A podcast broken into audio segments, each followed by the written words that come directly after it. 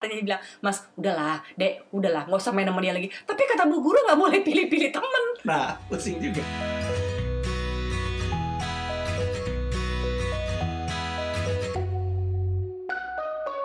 Oke, assalamualaikum warahmatullahi wabarakatuh.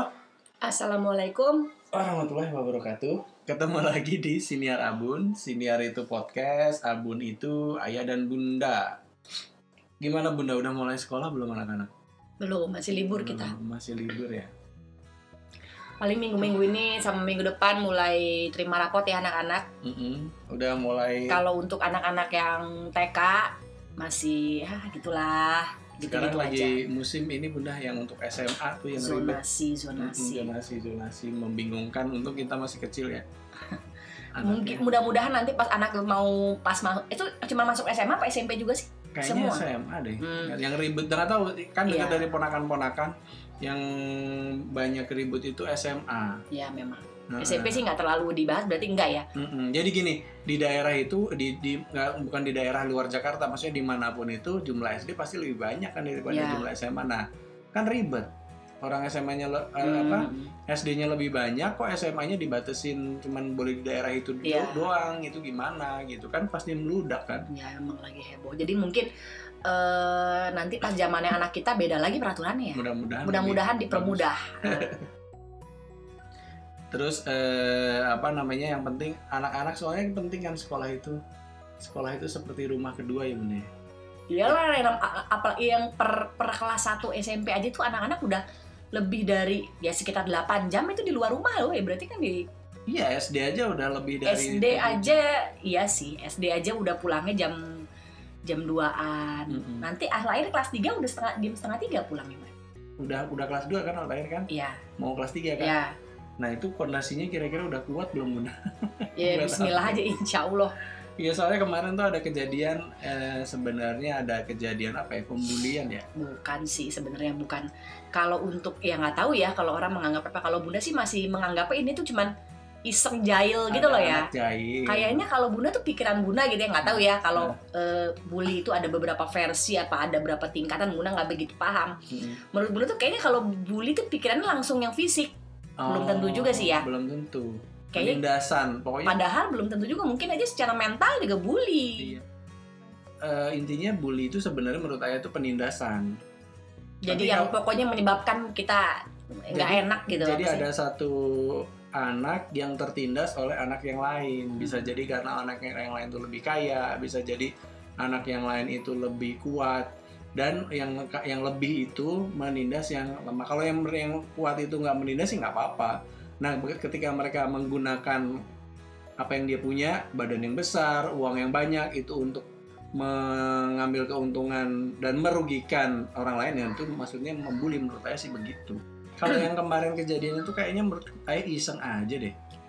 Bunda juga nggak jelas ya namanya anak-anak kalau cerita. Nah, gitu. itu dia salah satunya eh, yang harus kita jaga itu komunikasi ke anak ya. Ya, Kadang iya. tuh anak tuh susah mau Kadang-kadang cerita, susah ya. Altair itu termasuk yang agak susah, susah. untuk cerita ke orang Hmm. tuanya. kalau anak-anak lain makanya bersyukurlah kalian ibu-ibu dan ayah-ayah yang yang Mudah. anak-anaknya tuh yang memang senang cerita itu gak itu enak banget. Jadi Kalau open. suka cerita nggak deh? suka suka suka suka suka Suka ya deh. Oh iya kalau misalnya anak nggak cerita jadi kita nggak tahu yang ketika di luar sekolah, di luar rumah yang terjadi itu apa. Ya, Dan itu kan eh, pernah baca gitu kan apa pun yang terjadi di anak kecil saat pada masa pertumbuhan itu membekas terus ke saat dewasa kan. ya, cuman kadang-kadang Altair tuh ada beberapa momen yang dia kadang-kadang tiba-tiba mau cerita kayak kemarin tuh di di Gokar ya ingat nggak? Dia Iya, ngomong melulu, tiba-tiba aja, Iya. nggak jelas kenapa kan dan Heeh. ma- pas pas waktu dia mau cerita itu kita harus nanggepinnya serius kita nanggepinnya tuh antusias biar dia juga ngerasa di Nyaman. apa bukan eh, apa Didengarkan. kayak disambut nah Ah, disambut jangan yang pas dia ngobrol yang ah hmm, tuh eh, jangan ngomong deh nggak jangan gitu justru Iya. pas lagi ngobrol itu kita sambut kita Oh, kita terus terusan Bener biasanya gitu. biasanya Soalnya Altair begitu. Menurut ayah nih ya, ayah ngerasanya anak-anak tuh lebih ceri banyak cerita ke bunda daripada ke ayah. ya kebetulan aja kali ya jadi emang momennya mungkin sebelum Karena- tidur Iya kayak itu gitu dia karena kadang eh, kebanyakan malah kebanyakan itu ayah ketika tidur ayah kan belum sampai rumah. ya Nah, jadi bunda itu lebih sering menidurkan anak-anak daripada ayah. Akhirnya, nah momen itu tuh banyak banget anak-anak cerita di situ ya bunda. ya Sebelum tidur. nggak nggak nggak nggak selalu sih cuman bisa lah gitu bisa sebenarnya. Cuman A- Altair ini tipe yang memang kurang open. Sebenarnya tipe tipe kayak siapa ya kayak gini? Jadi eh, kalau ada sesuatu misalnya denger dari denger dari ibunya temen misalnya kan kita kan pasti eh, hari gini kan ada WhatsApp grup ya Mm-mm. ada WhatsApp grup yang memang per kelas ada yang memang sudah deket ibu-ibu dengan kita. Ya. dan kebetulan salah satu ibunya itu sekelas juga sama anaknya sekelas sama Altair. Dia Heeh. cerita eh tadi Altair tuh gini ya? Hah? enggak nggak tahu deh nggak cerita. Nah biasanya Bunda tahu tuh dari eksternal gitu baru Bunda tanya Mas tadi tuh di sekolah ada begini ya? Iya ada. Dia baru kenapa nggak cerita? Gitu. Oh. ya nggak pengen cerita aja. Nah kalau dia begitu. Hmm. kalau tipenya si Altair tuh begitu beda sama adiknya adiknya apa juga diceritain Sebenarnya komunik, ya secara tidak langsung komunikasi itu mencegah bully ya. ya Karena karena ibarat sakit nih, baru kena gejala sedikit terus kita obati, ya pasti sembuhnya lebih mudah kan Hmm. dibanding udah stadium 4 gitu. Itu kan udah susah nyembuhinya, bahkan mungkin kalaupun sembuh lukanya tetap membekas gitu loh. Hmm. Nah, bully itu seperti itu ketika anak-anak kita siangnya kejadian terus malamnya orang tuanya tahu, walaupun tindakannya macam-macam yang namanya orang tua ya. Ada yang ngelabrak ke sekolah, ada yang ini orang tuanya Mm, tak, tapi yang penting orang tuanya mendengar cerita anaknya Ya. dan itu bisa menyetop eh, kejadiannya gitu. Entah yang ekstrim tuh dipindahin sekolahnya gitu kan bisa juga kan. Yang penting kejadian bullyingnya tuh ketahuan gitu loh bunda.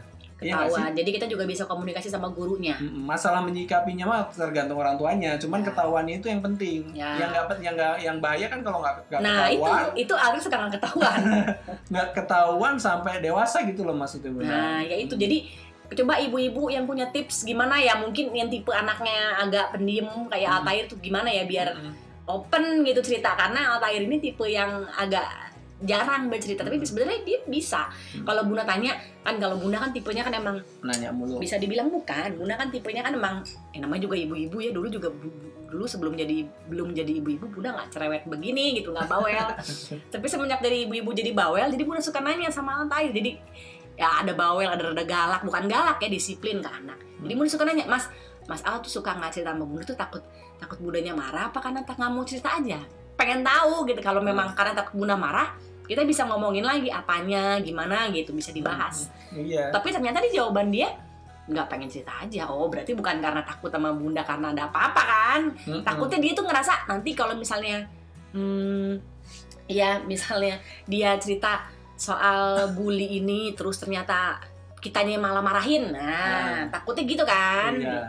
Kejadian kemarin itu kan ada ada orang yang iseng kan. iseng Al anak menyebutnya anak jahil. Jahil ya Nah, jahil itu misalnya mukul atau dorong, dorong atau secara secara ini mental ya dia Ah, ngatain ngatain, Nah. ngomong kasar, ngejek, gitu ngejek. lah biasa Itu tuh kadang Altair secara nggak sengaja cerita kan atau ditanya sama Bunda baru jawab. Nah, kalau nggak salah Bunda waktu itu pernah ngomong ke Altair bilang ke apa namanya Bilang ke orangnya, temennya. ke temennya bahwa Altair nggak suka ya dia sudah melakukan itu sih kata dia dia Oh, sudah gitu. melakukan dan dia sudah berhasil Ya, pokoknya orang eh, berhasil atau tidaknya mungkin diulang lagi, mungkin enggak. Setidaknya dia ada self defense yang mengatakan kalau nggak suka loh gue diginiin, nggak Iya. yang nggak yang diem aja maksud bunda Iya. gitu. menurut ayah itu manjur loh pengalaman pribadi ya waktu dulu SD itu ada orang yang dibully terus karena dia tuh nggak pernah ngomong Hmm. nggak pernah speak up nggak pernah apa ya nggak pernah yang bilang bilang tadi gue nggak suka diginiin gitu akhirnya terjadi terus eh, dan dia pendem dan itu yang yang bahaya kan kalau Akhirnya pada akhirnya ya jadi dibully terus Oh. dan dia di waktu sampai dewasa dia jadi orang yang tersendiri gitu dan memang dia juga mungkin nggak nggak nggak obrolin juga kali ya sama Iya. entah ada teman deket ya apa entah sama ibunya Iya. dia bilang kalau di sekolah tuh gini loh bu Iya. gitu enggak ini soal bully ayah sendiri pernah nggak zaman dulu atau ya pasti mungkin pernah pasti pernah sebenarnya bully itu menurut ayah pas kecil doang apa sampai kita besar ada nggak sih sampai kita besar ada Hmm. ada kan ayah nggak tahu sih eh, detailnya tapi ada yang bilang eh, bullying di kantor Hmm, bullying di keluarga. Yang paling sekarang paling gampang kan cyberbullying kan. ya. Pokoknya intinya penindasan walaupun dilakukan penindasan jangan diartikan seperti penjajahan Belanda gitu. Penindasan tuh maksudnya dia punya kuasa.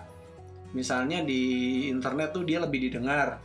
Nah begitu ada eh, orang yang kira-kira nggak eh, kurang didengar dibully sama dia salah ngomong gitu dibully terus di misalnya kalah juga dia manggil teman-temannya pokoknya intinya ngalahin orang lain gitu.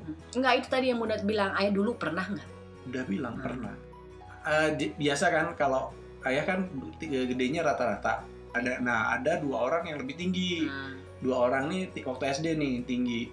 Dia ya udah nggak jago apa namanya suka berisik dikasih tahu nggak mau orang dulu nyebutnya nakal Hmm. nah dia suka mengintimidasi aja ke semua orang Oh, semua orang bukan cuma Eh, ayah. bukan kalau secara satu doang gitu nggak pernah maksudnya ayah doang gitu yang lain nggak nggak pernah Misalnya si A sama si B ini badannya gede-gede itu setiap hari bikin ulah Hmm. ayah pernah sih dipukul pakai apa bat eh, gagang kemoceng tau nggak Hmm.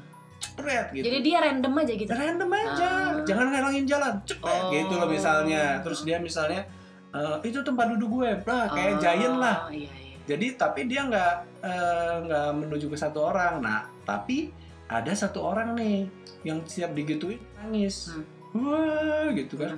Justru dia ja- jadi dia yang dibully terus. Karena ada reaksi. karena ada reaksi. Dia Terus guru-guru iya Ya, gitu aja, cuman bilang, "Jangan," Iya, gitu iya jangan pas kejadian Hmm. kalau kalau orang tuanya nggak rapor dianggap nggak ada apa-apa orang sekolah zaman dulu kan sekolah zaman dulu itu nggak kayak zaman sekarang orang tua Ya, yang yang yang aktif gitu ya. Yang orang tuanya aktif ber kayak grup WA gitu nggak ada. Terus orang tuanya kalau ke sekolah ya Ngambil rapot doang. eh, eh, ngambil rapot doang. Kalau misalnya kita nakal di sampai rumah orang tuanya malah mukulin anaknya. Kalau sekarang kan anaknya nakal, gurunya jewer gitu, guru yang dimarahin. Kalau zaman dulu anak- Tergantung sekolahnya sih mungkin. Iya, ya. yang terkenal begitu.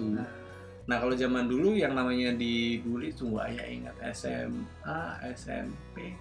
Ya gitulah, memang memang bandel aja random. Jadi nggak cuman ke ayah doang. Nah, Jadi saya gitulah random ya gitu. kalau itu mah random kayak itu biasa. Maksudnya kirain yang memang kayak yang teman yang nangis itu dia terus gitu kan. ada ada satu orang yang kayak gitu terus. Memang Dan apa, itu tuh apa ya? Menurut Bunda tuh apa ya? Emang harus lingkungan mendukung untuk menghentikan itu si iya. pembuli itu kalau nggak terus sampai Iya. sampai besar dia Sampai si gede loh. apa namanya Teman ini itu loh. gede dia mindernya minta ampun lah. Yang tukang bully nih. Yang dibully ini. Oh, yang tukang bully saya nggak nggak ketemu. Cuman Hmm. yang suka dibully jadi hidupnya jadi kesian gitu. Nggak. Kalau Bunda? Tidak Kalau pernah. Bunda? Tidak pernah.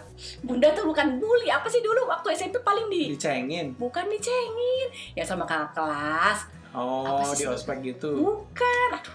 Ah, lupa sebutannya. Di Jadi- Bronco. mungkin ya ada mungkin ada beberapa cowok-cowok naksir. Terus si Oh. teman-teman ceweknya nggak pada naksir bunda? ikhlas naksir bunda. Naksir bunda.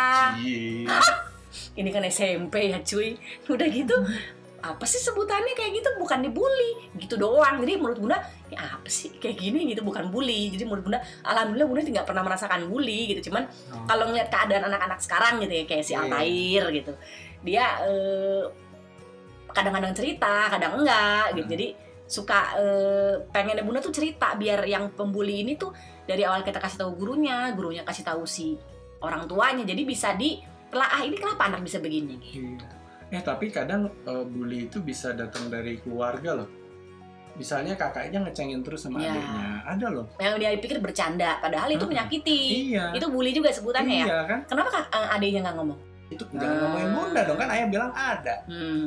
kejadian an- a- ada yang karena mungkin dia paling kurus ya kan Ya, yang lainnya ada. tinggi ada satu pendek terus ini eh ini anak pendek ada yang bisa menerima ada yang enggak Hmm. karena ada yang di luaran itu dia misalnya nih eh, dibilang pendek nih di luar teman-teman pendeknya banyak ya udah netral jadinya Hmm. tapi di luar digituin juga eh pendek lu Hmm. ini pendek lu Hmm. jadi dia ngerasa sendiri nah itu begitu dia sendiri ya udah dia intimidat terintimidasi ya udah Hmm. jadi memang kayak apa standar lah kayak bang Nafi bilang kriminalitas terjadi bukan karena apa pelaku tapi karena ada karena kesempatan keluarga- ya karena ada kesempatan. Ya, nah keluarga tuh kadang nggak sengaja kadang ngebully anak paling kecil atau anak paling apa gitu. Misalnya anak lihat tuh kakak kakak kamu gitu gitu kan. Hmm. atau lihat tuh adik kamu apa namanya nilainya bagus-bagus gitu loh. Hmm. itu ke kak ke or ke misalnya kakaknya nilainya jelek lihat adik kamu nilainya bagus-bagus. Itu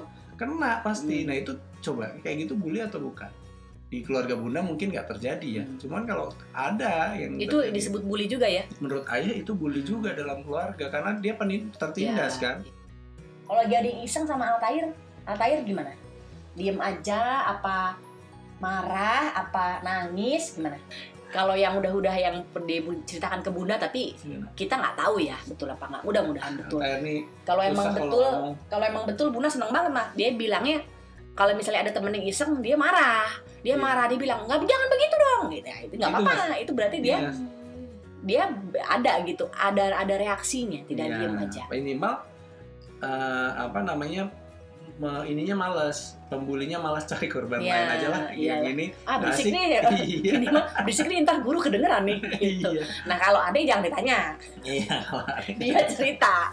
Dia tapi cerita. ade mah bukan apa ya makanya menurut bunda tuh kalau untuk level ade yang TK belum ada kayak gitu-gitu. Belum ada. Dia nganggap SD udah mulai ya? Iya. itu udah mulai namanya anak iseng anak Mm-mm. mulai Mulai- agak-agak mulai ini mulai apa namanya itu tadi mulai ada kelas sosial Iya, iya. ada yang tinggi ada yang rendah. Ya. ada yang kaya ada yang miskin. Ada yang hitam, ada yang hitam, putih. putih.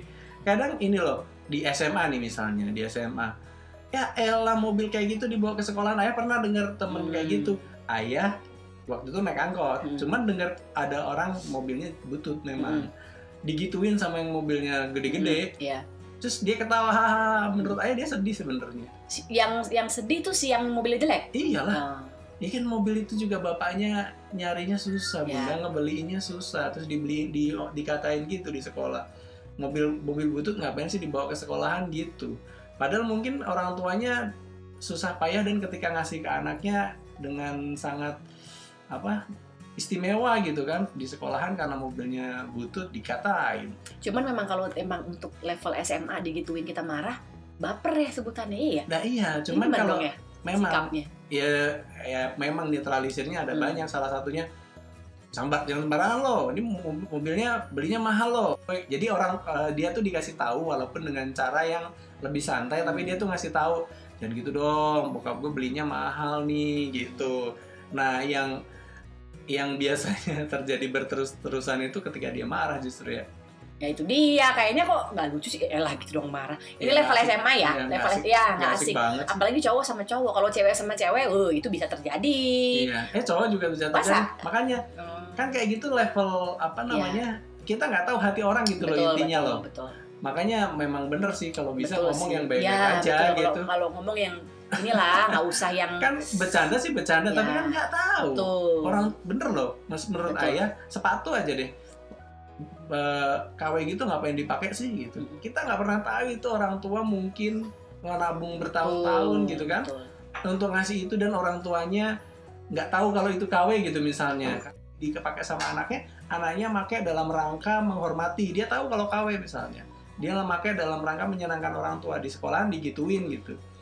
Itu ada yang baper ada yang enggak cuman itu tuh udah perilaku bully yang ngatain satu butut aja dipakai gitu menurut Jadi ayah ya. intinya berhati-hatilah dengan mulut kita ya. Iya. Dengan perkataan kita lah gitu. Iya. nggak usah lah yang tidak perlu disebutkan tidak cuma yang namanya anak SMA anak kuliah ya pasti jeplak ya. Apalagi sama temen Iya. deket. Iya. Ade gimana? Kalau Ade pernah nggak di sekolah tuh ada yang isengin Ade Ah, ada. Cuman kadang-kadang baik kadang kadang jahil biasanya Ade kalau dijailin adenya gimana?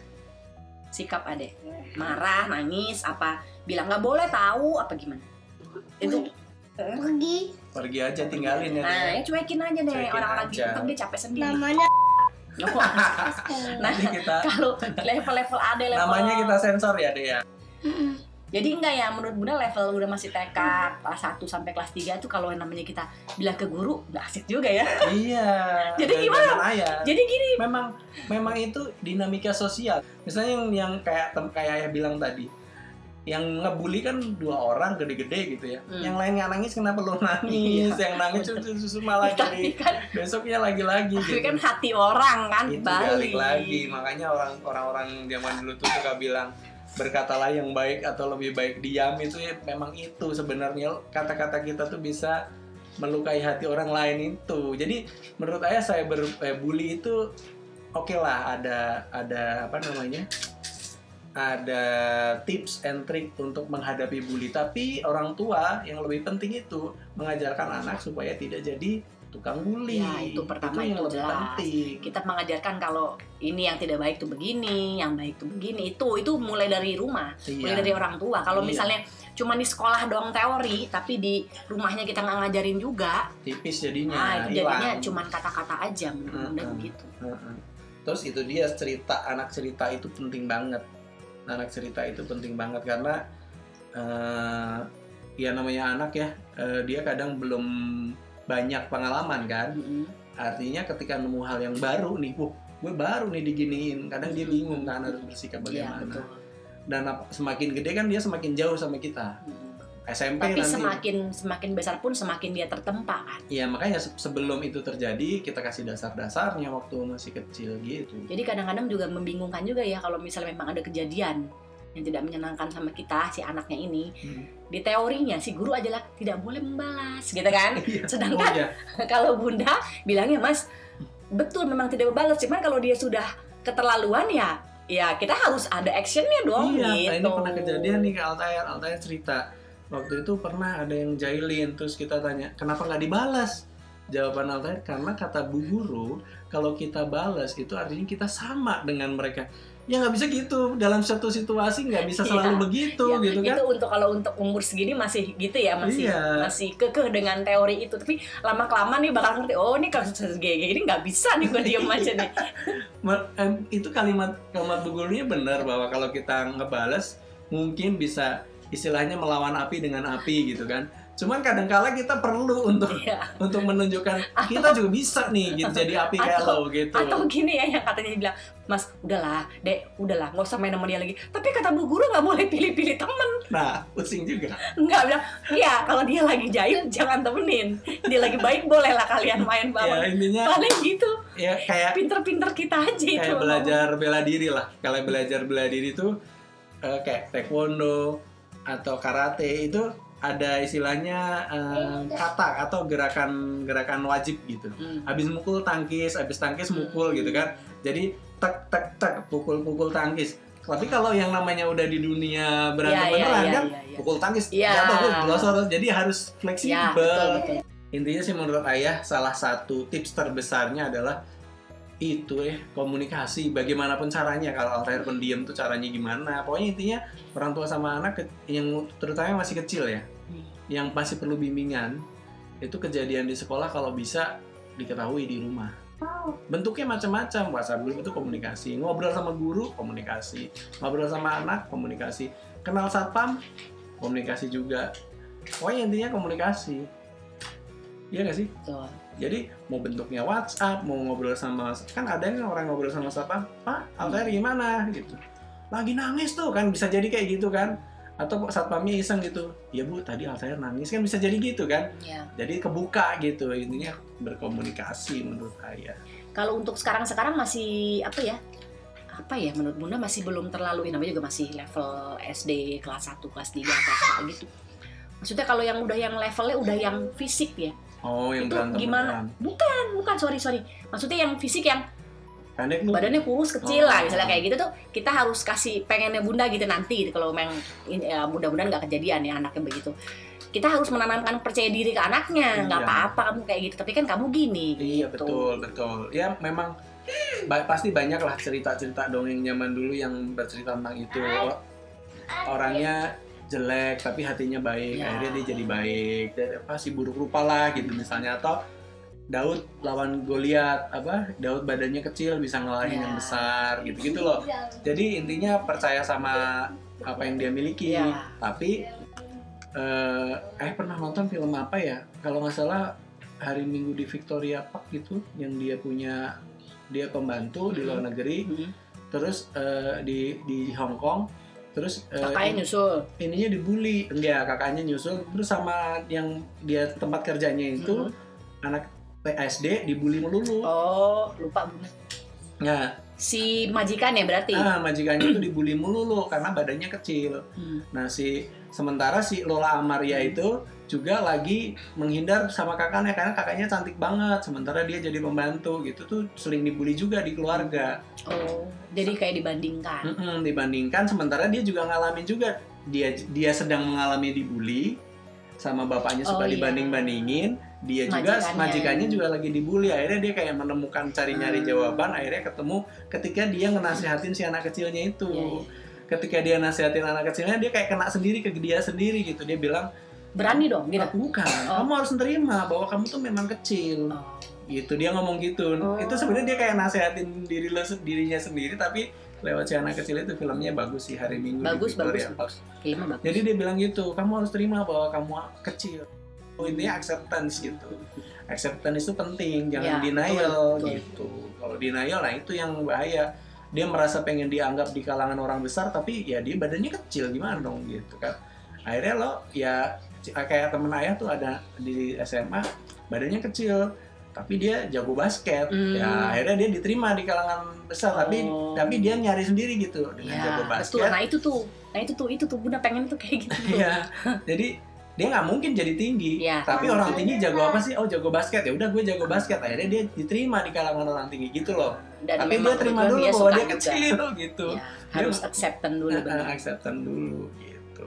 Itu belajar dari film itu sih hari Minggu di Victoria. Apa? Jadi ya mudah-mudahan anak-anak kita terhindar lah ya dari dari yang suka bully atau menjadi pembuli ya. Janganlah kalau jadi pembuli kayaknya mudah-mudahan tidak ya. Tidak. Ha- Bahasa Indonesianya tahu nggak bunda? Bully itu perisak, Perisak. perisak atau perundung nggak tahu kenapa mm, gitu. Hmm. Per- perisak itu pembuli, perisak dan perundung. Atau misalnya gini ya, misalnya dia bukan pembuli cuman dia punya temen. Nah, dia yang suka bully ya di kita follow aja gitu sih iya anak tuh sering gimana tuh. terjadi ayah juga kayak gitu Harus kecil sih. jadi eh, ayah tuh nggak tega sama yang dibully tapi ayah mainnya sama yang membuli gimana tuh Ah, ya akhirnya bingung kan bingung juga kan ayah gue nggak temenan sama yang dibully iya. tapi gue temenannya sama Tapi yang sebenarnya nggak setuju nih Nggak kalau dengan setuju. pembulian ini gitu iya, ya. jadi agak bingung juga Tapi ngomong sama si pembuli juga nggak enak ya. Misalnya Ya. janganlah, jangan gua- jangan ngerjain dia lah gitu nggak nggak enak nggak enak. Bisa jadi ayah yang dibully takutnya Nah. SD soalnya kejadiannya Itulah memang namanya udah itu namanya udah dunia luar. Kita harus Iya. siapin anak tuh buat yang kayak gitu-gitu. Makanya ibarat karate gerakan-gerakan dasarnya suruh dihafalin dulu. Nanti di luar negeri tinggal eh di luar negeri, di luar rumah tinggal diaplikasikan. Hmm. Dasar-dasarnya dulu nih. Tapi dasar-dasarnya kita juga harus belajar. Nah itu dia namanya anak masih kecil-kecil kita juga masih belajar gitu jadi orang tua. Belum nanti ini baru kelas 3 SD loh. Belum nanti SMP, SMA yang anaknya gimana sifatnya mungkin berubah ya kan kita nggak tahu gitu. Ya pokoknya intinya tadi yang yang yang kita dapetin pertama komunikasi, yang Hmm. kedua apa tadi? Acceptance dari film Acceptance. tadi. Ini baru nemu juga sih sebelumnya kita nggak kepikiran itu. Maksudnya kita nggak ngedraft tentang itu. Ya nanti kalau ada kepikiran lagi kita omongin lagi deh bunda ya. Ya. Hmm, udah. Menarik ini menarik sekali karena kalau mau ditelaah lebih lanjut gitu. Kenapa sih si pembuli gini itu karena mungkin dari rumahnya gimana kayak Iya. gitu gitulah. Ini sebenarnya menarik buat ditelaah. Iya, Menarik kalau- banget. Kejadian ini memang lagi dibahas, jadi eh, sering dibahas. Ya kalau nggak nggak ada beginian, nggak buktinya Kak Seto masih ada kan. Maksudnya emang itu kan namanya dinamika sekolah Iya. itu serunya ada ceritanya. Kalau kalau nggak ada yang begini-begini, Kak Seto nggak eksis. Gitu. Jadi Kak Seto hadir sebagai penyeimbang, sebagai penyelamat. Jadi Eh, kalau buat yang lain gimana caranya biar anak ngobrol eh, ada gitu eh, anaknya yang misalnya iseng suka suka gitu isengin temen itu kenapa gitu ya pasti iya, ada ceritanya. masukkan Boleh dong juga. cerita gitu. Pengen tahu aja. Kirim ke email ke siniarabun@gmail.com atau ke Instagram atau Twitter. Namanya sama Siniar Abun. Cuman mungkin yang paling sering sih di email ya. Oke, Oke. Bunda ya, sampai di Oke. sini dulu perjumpaan kita. Dek, mau ada yang mau diomongin? Gak ada.